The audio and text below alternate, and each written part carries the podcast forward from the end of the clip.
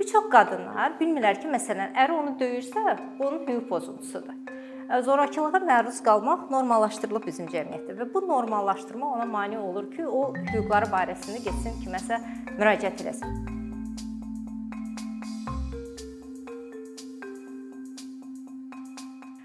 Qadınların ədalət mühakiməsinə çatımlılığı ilə bağlı mən ümumi əngəllərdən danışacağam ki, hansılarla qadınlar deməli rastlaşırlar və eyni zamanda ədalət mühakiməsi zənciri konsepti üzrə sizə mərhələ-mərhələ, yəni bu deməli hər hansı bir hüquqlarımız pozulanda və yaxud hər hansı bir mübahisəmiz yarananda bu məsələnin həlli üçün ilk dəfə hüquq sistemi ilə rastlaşdığımız andan ta ki məsələmiz həll olunana qədər keçdiyimiz müəyyən bir müddət ərzindəki o yolu, o yol ədalət mühakiməsi konsepti çərçivəsindən bir-bir halqa-halqa, mərhələ-mərhələ baxacağıq ki, qadınlar hansı əngəllərlə rastlaşırlar.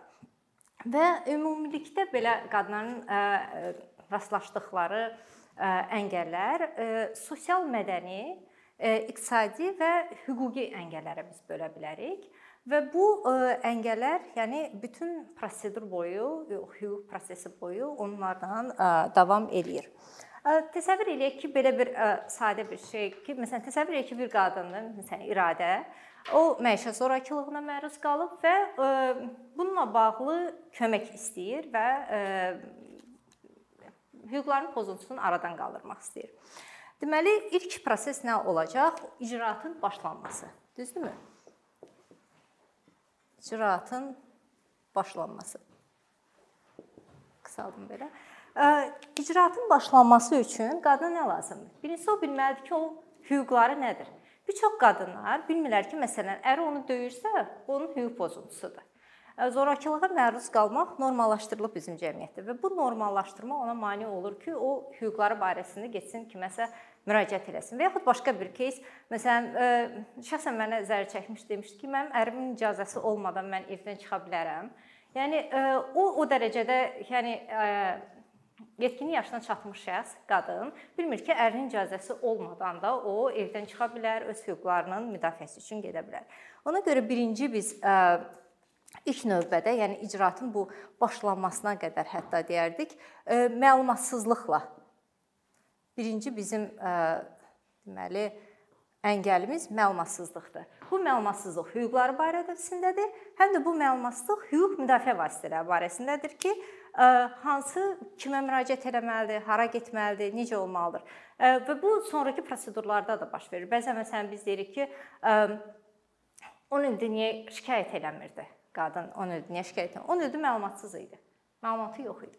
Və biz bunu necə aradan qaldıra bilərik? Vətəndaş cəmiyyəti üzvləri, jurnalistlər, e, müxtəlif şəxslər, vəkillər və hüquqşünaslar biz qadınların məlumatlandırılması və maarifləndirilməsi ilə məşğul ola bilərik ki, onlar hüquqları nədən ibarətdir və e, hansı hüquqi müdafiə vasitələri var ki, onlar e, müraciət edə bilərlər və davam edə bilərlər. Başqa bir məsələ, məsələn, nəqliyyat Tutaq ki, ucqar bir kənddir. Ucqar bir kənddə yaşayan bir şəxsin şəhər mərkəzinə gəlməsi bu problemlidir, resurs məsələsidir. Kişi üçün də, qadın üçün.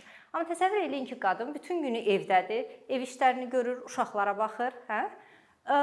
Kişinin isə işi məsələn ayda bir dəfə, iki dəfə gəlir rayon mərkəzinə. Ola bilər ki, maşını da var, hə? Onun hansının daha rahatdır şəhərə gəlib çıxmağı, hansı daha tez çıxacaq və gedib ə, ə, yəni öz hüquqlarını müdafiə edəcək. Əlbəttə ki, kişi üçün bu daha asan olacaq. Qadını istəgər bunun ə, məsələn qarşısını kəsən məsələlərdən biri stigmatizasiya, damğalanması. A, cavan gəlindir, evdən tək çıxıb gedib polis idarələrində onun nə işi var? Bütün günü polis idarəsindən çıxmır, şikayət şikayət alıcı verir və bu damğalanma özü ə, ikinci ə, yəni deməli resurs nəqliyyat ə, və resursla bağlı bir ə, məsələni də deyəcəm plus e, onun damğalanması. Yəni qadın öz hüquqları uğrunda mübarizə aparırsa, onun damğalanması çox normaldır. Yəni bir kişi bir polis idarəsindən girir çıxırsa, onun haqqında heç kim əxlaqsızdır, pis kişidir belə sözlər işlətməyəcək. Və bu damğalama qadınların, yəni ki, gəlib hər hansı bir icraatı başlamaq, hüquq proseslərində başlaması üçün e, ciddi maneəyə e, gətirib çıxacaq. Digər resurs məsələlərindən biz deyəndə vaxt. Qadınlar dünyada ən çox ən çox vaxt kasıblığı yaşayan insanlardır. Yəni səhər yuxudan durandan axşam yatana qədər o işləyir. Haqqı ödənilməyən əməklə məşğuldur. Və və onun boş vaxtı varmı? Uşaqları məsələn kimi yanında qoyacaq, gedəcək polis bölməsinə, məhkəməyə öz hüquqlarını müdafiə edib. Kişiyə rahatdır. O çıxacaq, gedəcək və uzaqbaşı işdən cəza alacaq. Maksimum budur. Və öz hüquqları ilə daha rahat məşğul olacaq, nəinki qadın. Yəni bu baxımdan vaxt resursudur, pul məsələsidir. Məsələn, rüsum məsələn haqqı ödənilən əməklə daha çox kim məşğul olur dedik qadındır və onun rüsumları ödəməsi və yaxud vəkil orderinin alınması hansına daha çox çətin olacaq iqtisadi cəhətdən? Qadına daha çox çətin olacaq. Çünki onun resursları məhduddur. Çünki e, baxmayaraq ki, o kişinin karyerasına yəni investisiya qoyur, ömrü boyu işləyir. Onun üçün paltarını yuyur, uşaqlarına baxır, qarnını tox saxlayır. Kişi isə özünə kapital yığır, karyerasını qurur, maaş alır. Gələcəkdə də pensiya alır. Qadın isə yalnız 100 neçə manatlıq sosial müavinətdən asılı qalır. Yəni bu resurslar qadınların ədalət mühakiməsinə başlayana dək, belə yazaq hətta ki, başlayana dək, yəni icraatın başlamasına qədər onların qarşılaşdığı əngəllər kimi belə bir deyə bilərik. Qadın bütün bu əngəlləri aşdı. Bir təhər ona dedilər, pis qadındır, əxlaqsızdır, gedir polisdən çıxmır və gəldi çıxdı polis bölməsinə. Polis bölməsində hamısı kişidir. Gender şöbəsi yoxdur. Ona gender həssas yanaşacaq heç kim yoxdur. Və ə, həmin bölmədə, yəni qadını başa düşəcək. Yəni ə, hamısı hamısı kişilərdir, məsələn, kişilər. Və onu başa düşəcək insanlar, onu ə, yəni özünü rahat hiss edə biləcəyi bir mühit yoxdur. Azərbaycanda xüsusilə də sən çoxlu kişi olan yerə gedirsənsə, tək qadın, bu bunun nə olduğunu hər kəs bilir. Və ə, qadınların təmsil olunmaması həm polis, həm prokurorluq orqanlarında, məhkəmə orqanlarında bu qadınların ədalət mühakiməsinə çatanlığına ciddi maneə törədir ki, orada o e, məsələn ekspertdir. Biz e, cinsi zorakılıqla bağlı e, işlərdə məsələn son işlərin birində yəni qadın kişi ekspert tərəfindən müayinə olunmuşdu zorlanmaya məruz qalan qadın. Yəni onun üçün bu nə qədər travmatikdir. O xahiş edə bilirmi ki, mən polis e, ifadəmi alsın? Bəzən bir neçə nəfər belə oturur bir otaqda və e, qadından e, ifadə aldır. Və hər kəs eşidir ki, ona haqqında danışır. Yəni gender həssas yanaşmanın olmaması və yaxud gəlir stereotiplərlə, stereotiplər qərəzlə rastlaşır. Məsələn, Yəqin əvvəl nəsə demisən də, yəqin nəsə düzgün eləməmisən, ona görə döyüb səni. Nəyinəmişdin? Günahlandırma. Zərər çəkmiş şəxsdən biz həmişə təqsirləndirilən şəxsin e, təqsirsizlik prezumpsiyasından danışırıq. Amma heç vaxt zərər çəkmiş şəxslərin təqsirsizlik prezumpsiyasından danışmırıq. Məişət zorakılığına məruz qalan, bir çox zorakılığa, seksual zorakılığa məruz qalan qadınların təqsirsizlik prezumpsiyası pozulur. Onlar deyirlər ki, sən gecə vaxtı küçədə nə gəzirdin? Neçə 10 ildir niyə dözürdün? Yəqin sənin aranda onunla bir e, problem var və onu sən şərləmək istəyirsən. Və bu cür e, yəni stereotiplər, qərəzlilik. Məsələn, baxmayaraq ki, dünyada bir araşdırmaya görə, aparılmış bir araşdırmaya görə cəmi 2% işlərdə qadınların e, zorlanma ilə bağlı yalan e, ifadələri olub. 98% həqiqətdir. Amma böyük əksəriyyət zorlanma işlərində, məsələn, orada e, hesab olunur ki, yəqin qadın yalandan deyir, yəqin qadın uydurub, o e, müqavimət göstərmir. Məsələn, ola bilər ki, qadın donub qala bilər də zorlanma işində, e, travma keçirə bilər. Və yox, o ona müqavimət göstərməli idi, ideal zərər çəkmiş olmalıdır. Yəni o dərhal gəlib məlumat verməlidir. Üstündən bir ay keçib niyə gəlmisən indi şikayət edirsən.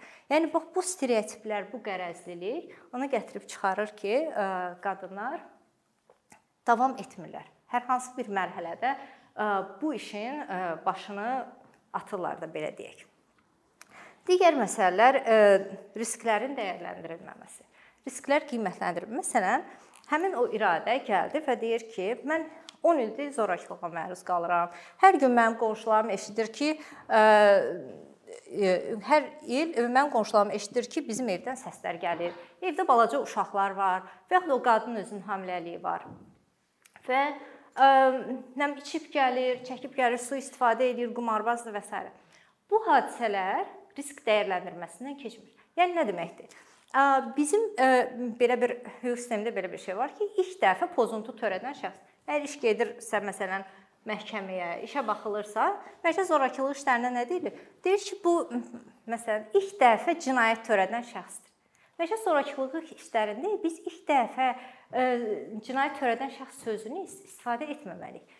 Biz bu araşdırmalıyıq ki, ümumiyyətlə bu məsələn 10 il ərzində həqiqətənmi davam edirdi? Onun qonşuları nə deyir? Onun ə, qohumları nə deyir? Yəni düzdür, bəzən ola bilər ki, şəxs çox belə ideal özünü yaxşı aparır və cəmiyyətdə yaxşı tanınır zorakılığa ancaq evdədir. Amma hər bir halda biz bununla bağlı hər hansı bir, yəni sübutlar toplaya bilərik və riski riskləri yəni dəyərləndirmək də ki, nəzərə dediyim kimi də şəxsin yəni belə deyək, məsələn bir neçə dəfə olub ki, şikayətlər olub, qonşular deyir ki, belə hadisə baş veribdi və məsələn iş yerini itirmiş ola bilər ki, hansı ki təzəki işini itirib və o bunu da yəni aqressiv qarşılayır və bütün aqressiyasını qadına tökür.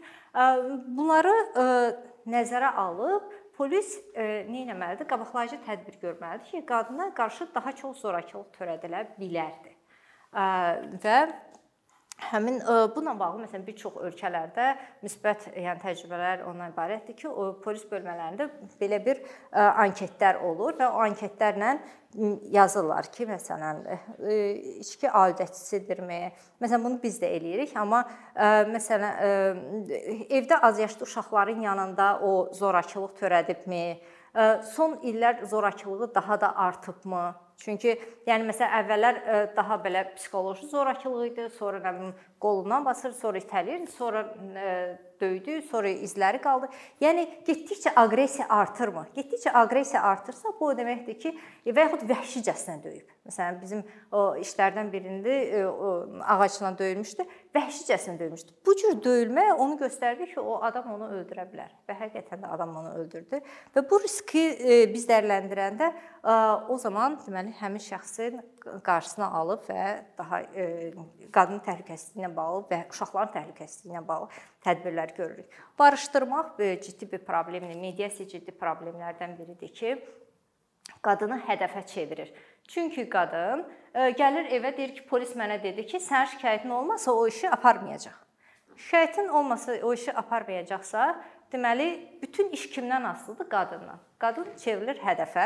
Mən sənin başını kəsəcəm, mən səni öldürəcəm. Get o şikayətini geri götür. Və həmin o şikayətini geri götürmürsə, deməli qadına qarşı zorakılıq törədə bilər və bizdə həm məcəllədə, İnzibat Xətalı Məcəlləsində, həm Cinayət Məcəlləsində barışdırmaqla bağlı, yəni barışdırmanın barışdırmanın icraatın xitamına gətirib çıxarması qadını hədəfə çevirir. Bu qadın üçün ciddi bir əngəldir. Hətta o müddəa qala-qala da belə bizim polis, prokurorluq və məhkəmə orqanları işi davam etdirə bilərlər. Necə etdirə bilərlər? Onlar yoxlaya bilərlər ki, bəlkə təhdid var idi. Qadın öz iradəsi ilə vermişdirmi bu barışma ərizəsini və s. Bizdə bu yoxlanılmır. Onların maraqlı deyil. İş bitsin və mənim icraatımda azalsın və s. Mənə başqa heç nə lazım deyil. Yəni bu cəhətdən mediasiya prosesləri özləri məsələn boşanmaya gedən indi hal-hazırda boşanma ilə bağlı. Okay, mediasiya olsun deyək, hə?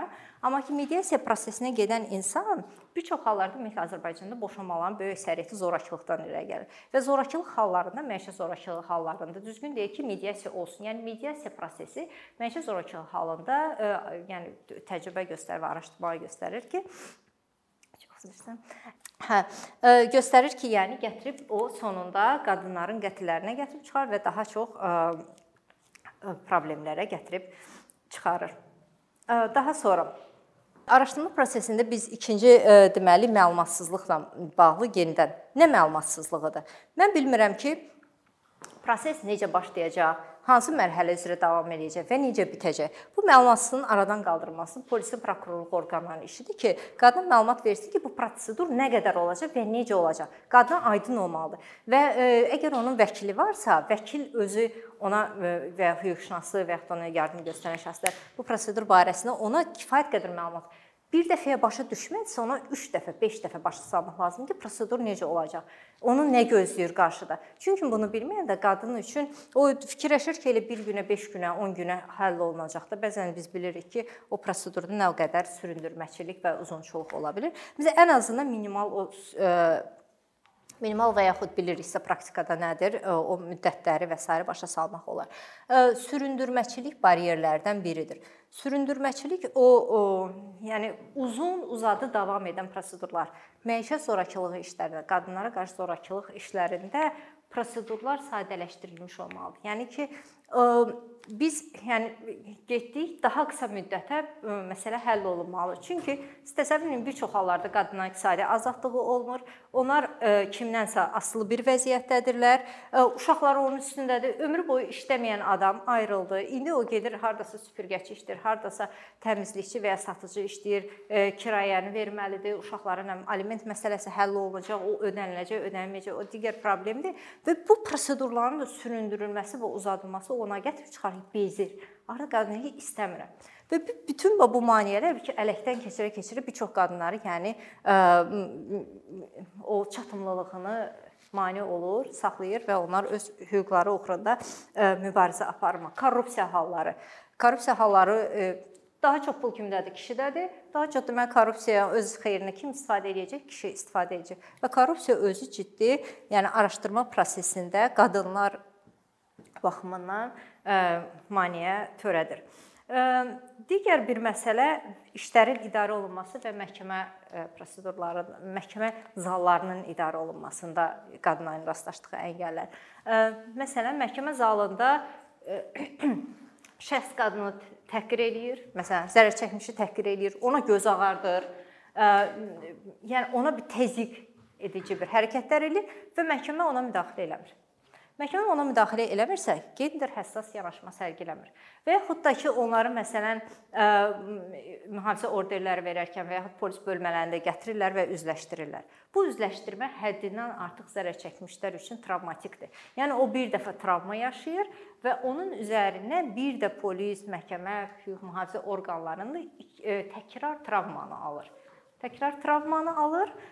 Təkmə buna revictimization təkrar qurbanlaşdırma belə bəlkə də tərcümə etmək olar. Və üstəgəl, məsələn, o dediyim o polisin, hakimin sualları ola bilər ki, günahlandırmaq ki, sən niyə şikayət eləmirdin falan. Bu da onun ikincili secondary victimization, yəni ikincili qurbanlaşdırmasına gətirib çıxarır ki, ikinci dəfə həm də həm zorbadan nə alır? Zərbə alır, travma alır, həm də kimdən zərbə alır? E, hüquqlarını qoruyacaq olan şəxslərdən zərbə alır. Bir çox halda bəzən mən hətta vəkillər, hüquq müdafiəçiləri belə onların yəni çox qərəzli, gender qərəzli, stereotipli danışıqlarını görmüşəm ki, e, başa düşmüşəm ki, o yardımdan çox ciddi şəkildə həmin qadınlara yəni travma vurur və bunun da e, aradan qaldırılması, yəni ancaq maariflənmə və məlumatlanma haqqında bir pəncərə sistemi olmalıdır. Məişət zorakılığı qurbanlarına kompleks hüquqi yardım göstərməlidir. Yəni onu o məsələn bizdə necədir? Gedir polisə, psixoloq üçün bir başqa yerdə, sığınacaq bir başqa yerdədir. Səhiyyə məsələlərini bir başqa yerdə həll eləyir və çoxlu-çoxlu nə bilim prokurorluq bir başqa orqan yerdə və sər və alax bir pəncərə sistemi tətbiq olunması ona gətirib çıxara bilər ki, bir pəncərəyə yaxınlaşır, necə ki, asan xidmətdə və eyni yerdə onu həm psixoloq, həm sosial işçisi, həm vəkil, bir vəkil məsələn təyin olunub, bir propolis var, bir prokurorluqdan nümayəndə var. Yəni qadın çox qapı gəzmir. Birincisi o ünvanları bilmir. İkincisi onu heç rahat deyil, yəni o yerləri tapmır. Üçüncüsü ona çoxlu vaxt itirmək bildir ki, vaxt kasıblığı olan qadınlar üçün bu çox böyük problemdir. Və e, ona görə də bir pəncərə sisteminin yaradılması, yəni bu orqanların bir-biri ilə əməkdaşlığı məişət zorakılığı işlərində bizim əngəlləri yəni azalda bilər. Mən danışdım icraatın başlanmasına qədər olan əngəllərdən, icraatın prosesində olan əngəllər və sonra biz keçirik qərarlara. Məsələn, deməli qərarlar verilərkən nə nəzərdə tutulur? Sanksiya tətbiq olunur. Deməli, sanksiya tətbiq olunmursa, şəxslər barışdırılırsa, şəxs əlbəttə ki, cəzasız qalır və bu cəzasızlığın nəticəsində gedir və təkrar-təkrar törədir ağırlaşdırıcı bütün ağırlaşdırıcı hallar nəzərə alınmalıdır. Məişət zorakılığı özü ağırlaşdırıcı hal. Təəssüf ki, bizim qanunverici bu nəzərdə tutulmayıb İstanbul Konvensiyasında var və Avropa Məhkəməsinin bəzi кейslərində biz bunu tapa bilərik.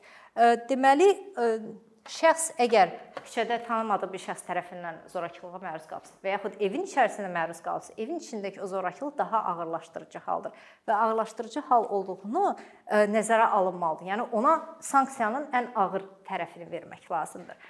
E, kompensasiya məsələləri bir çox hallarda qadınlar kompensasiyaya getmirlər ki, mənə məsələn vurulmuş psixoloji, mənəvi, fiziki və digər maksimum əmlakı bölürlər birgə nikah dövründə alınıb və s. Amma ki, bu məişət zorakılığının törədilməsinə bağlı aldıqları o sarsıntılar və hətta kompensasiya hesablanması zamanı haqqı ödənilməyən əməyə görə də kompensasiyasını tələb eləyə bilər qadın ki, mən 10 e, il ərzində ona pulsuz xidmət göstərmişəm. E, o zəhmət çəksin, həmin o e, işlərimin pulunu mənə qaytarsın. Yəni onu belə qadının tələb eləmə hüququ var və məhkəmələr bu ilə bağlı qərarlar verərkən də o kompensasiyaları nəzərə almalıdır ki, o pulsuz əmək təmin olunsun. İşləri, məsələn, getdik, çıxdıq, bəxtimiz gətirdi, sanksiya tətbiq elədik, şəxsi həbs elədi, bizə nə bilim kompensasiya tutdu, uşaqlar varsa aliment tutdu. Növbəti problem. Qərarlar həmişə icra olunurmu? Deyək ki, həbs icra olunur, hə? Alimenti qadın həmişə ala bilirmi? Kompensasiyanı həmişə ala bilirmi? Ala bilmir. Ala bilmirsə nə problemi yaranır? Qərarların icrası, qərar icra olunmursa, qərar mövcud deyil, ədalət mühakiməsinə deməli biz çata bilmədik. Dayandı ədalət mühakiməsi. Başqa bir məsələ, amnistiya aktları. Yaxşı şeydir, hə? Amnistiya düşür, cəmaət buraxılır. Amma amnistiya aktlarında nəzər tutulmalıdır ki, gender cinayətləri törədilmiş şəxslərə tətbiq olunmasın. Azərbaycanda bu varmı? Biz əgər amnistiya aktlarına baxsaq, məsələn, yüngül e, xəsarət yetirməni, sağlamlığa zərər vurma ilə bağlı şəxs düşüb, nə bilim, 1 il yatıb və yaxud 10 e, gündür, 15 gündür və yaxud heç gedəcəkdi həbsə, amnistiya aktı çıxdı və ura o qayıtdı həmin o qadının yanına və onun yenə də gününü göy əskiyə döndərməyə. Yəni ə, e, biz nəzərə almalıyıq ki, yəni prosesdən sonra və yaxud həbsdən çıxır şəxs. Həbsdən çıxması barəsində qadına məlumat gedirmi ki, bax həmin şəxs bax 3 il əvvəl olub, bax həmin şəxs çıxır.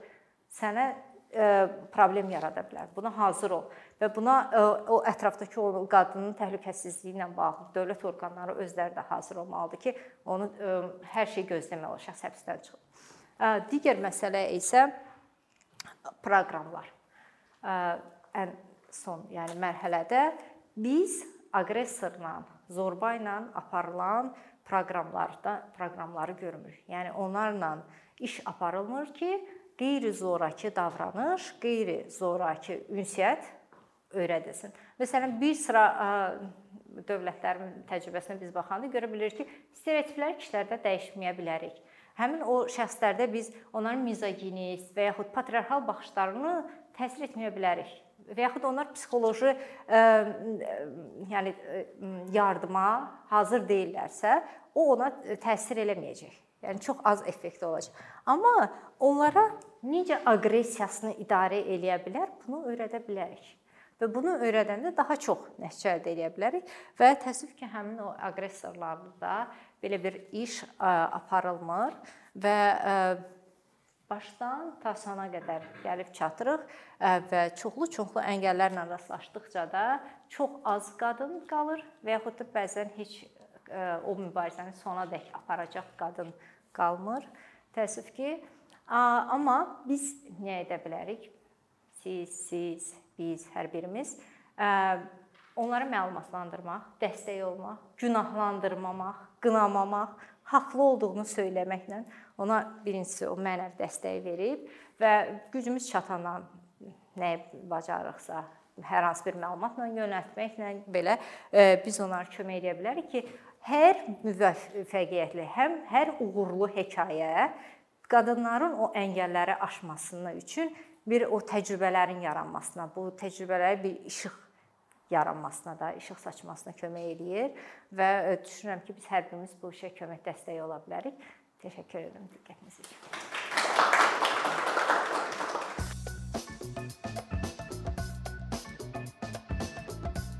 Bir neçə ildir ki, əkinçi olaraq Azərbaycanlı izləyicilərin hər zaman faydalana biləcəyi keyfiyyətli və ən əsas ödənişsiz kontent hazırlamağa çalışırıq. İndiyədək təqdim etdiyimiz onlarla animasiya və yüzlərlə çəkilişlər tələbələrin, mütəxəssislərin, müəllimlərin və ümumiyyətlə yeni mövzulardan xəbərdar olmaq istəyən çox sayda insanın marağına səbəb olub.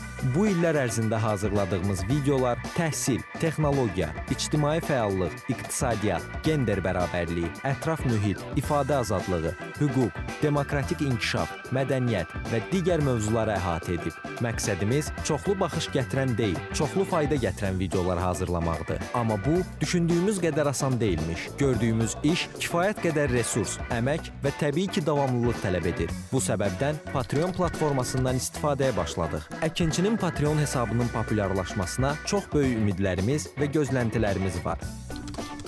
Bəziləriniz Patreon haqqında ilk dəfə eşidirsiniz. Əslində çox sadə izahı olan bir platformadır. Təsəvvür edin ki, siz rəssam və ya musiqiçisiz. Sosial şəbəkələrdə sizi izləyən, işinizi bəyənən çox sayda insan var. Patreon platforması sizə imkan verir ki, izləyicilərinizin könüllü aylıq ödənişləri sayəsində işinizi davam etdirəsiniz. Sərgi, konsert zallarından asılı qalmayasınız. Amma bu təkcə rəssam və musiqiçilərə aid deyil. Məsələn, əkinçiyə bənzər fəaliyyətlə məşğul olan bəzi layihələrin 10 minlərlə patronu var. Biz də düşündük ki, nə üçün əkinçinin Patreon hesabı olmasın? Sizin dəstəyiniz sayəsində biz daha çox və daha keyfiyyətli kontent yaratmağa davam edə biləcəyik. Amma bu dəstək yalnız maddi dəstək deyil. Dəstəkçilərimizin sayının artması gördüyümüz işlərin faydalı olduğuna dair əminlik verir. Patreon platformasından istifadə çox sadədir. Hesabınızı açırsınız, sizə uyğun dəstək növünü seçirsiniz və Patreon özü hər ayın ilk günü kartınızdan seçdiyiniz dəstək növünə uyğun ödəniş tutur. Bu qədər.